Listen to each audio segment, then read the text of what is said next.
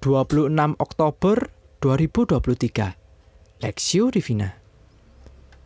2 Korintus pasal 3 ayat 1 sampai 18 Adakah kami mulai lagi memujikan diri kami? Atau perlukah kami seperti orang-orang lain menunjukkan surat pujian kepada kamu atau dari kamu? Kamu adalah surat pujian kami yang tertulis dalam hati kami dan yang dikenal dan yang dapat dibaca oleh semua orang. Karena telah ternyata bahwa kamu adalah surat Kristus yang ditulis oleh pelayanan kami. Ditulis bukan dengan tinta, tetapi dengan roh dari Allah yang hidup. Bukan pada loh-loh batu, melainkan pada loh-loh daging, yaitu di dalam hati manusia. Demikianlah besarnya keyakinan, kami kepada Allah oleh Kristus. Dengan diri kami sendiri, kami tidak sanggup untuk mem memperhitungkan sesuatu seolah-olah pekerjaan kami sendiri. Tidak, kesanggupan kami adalah pekerjaan Allah ialah membuat kami juga sanggup menjadi pelayan-pelayan dari suatu perjanjian baru yang tidak terdiri dari hukum yang tertulis, tetapi dari roh. Hukum yang tertulis mematikan, tetapi roh menghidupkan. Pelayanan yang memimpin kepada kematian terukir dengan huruf pada loh-loh batu. Namun demikian kemuliaan Allah menyertai waktu ia diberikan Sebab sekalipun pudar juga, cahaya muka Musa begitu cemerlang, sehingga mata orang-orang Israel tidak tahan menatapnya. Jika pelayanan itu datang dengan kemuliaan yang demikian,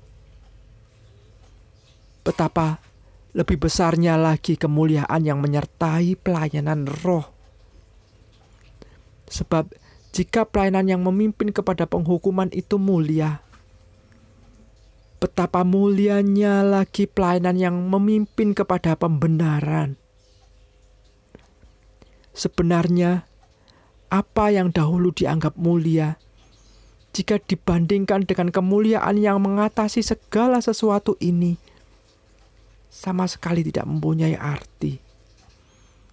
Sebab, jika yang pudar itu disertai dengan kemuliaan, Betapa lebihnya lagi yang tidak pudar itu disertai kemuliaan.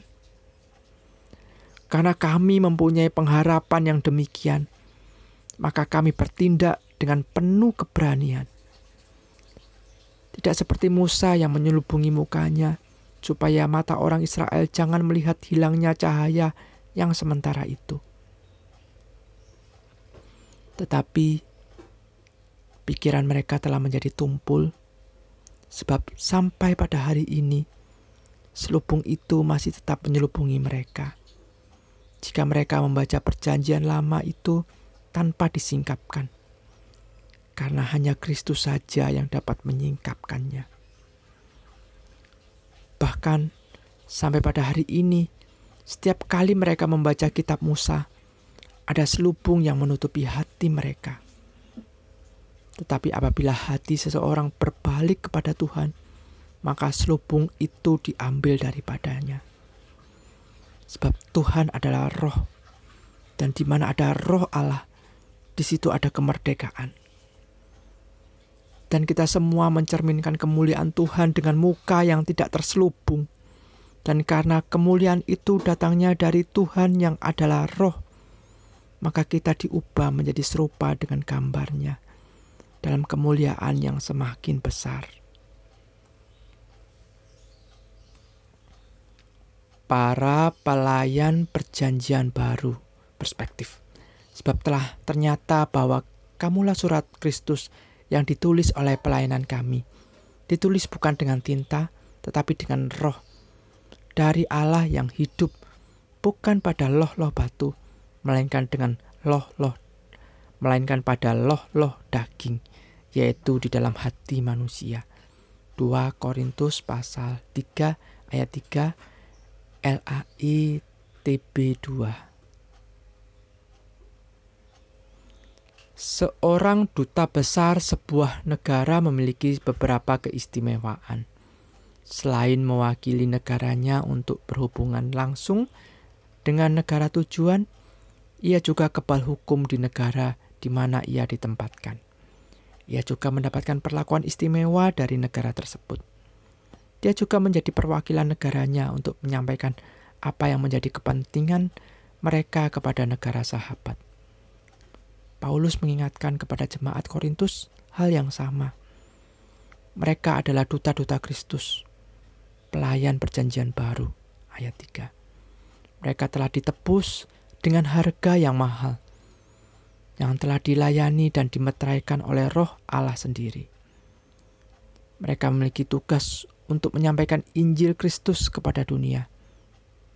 Lebih lanjut lagi, ia mengingatkan bahwa dahulu orang-orang Yahudi yang kemungkinan adalah sebagian besar dari jemaat merupakan duta Allah, tetapi, tetapi bukan pelayan perjanjian baru, tetapi perjanjian lama. Mereka memegang hukum Taurat untuk dibagikan kepada semua orang yang berujung kepada kematian. Karena hukum Taurat tidak menyelamatkan, tetapi menghakimi.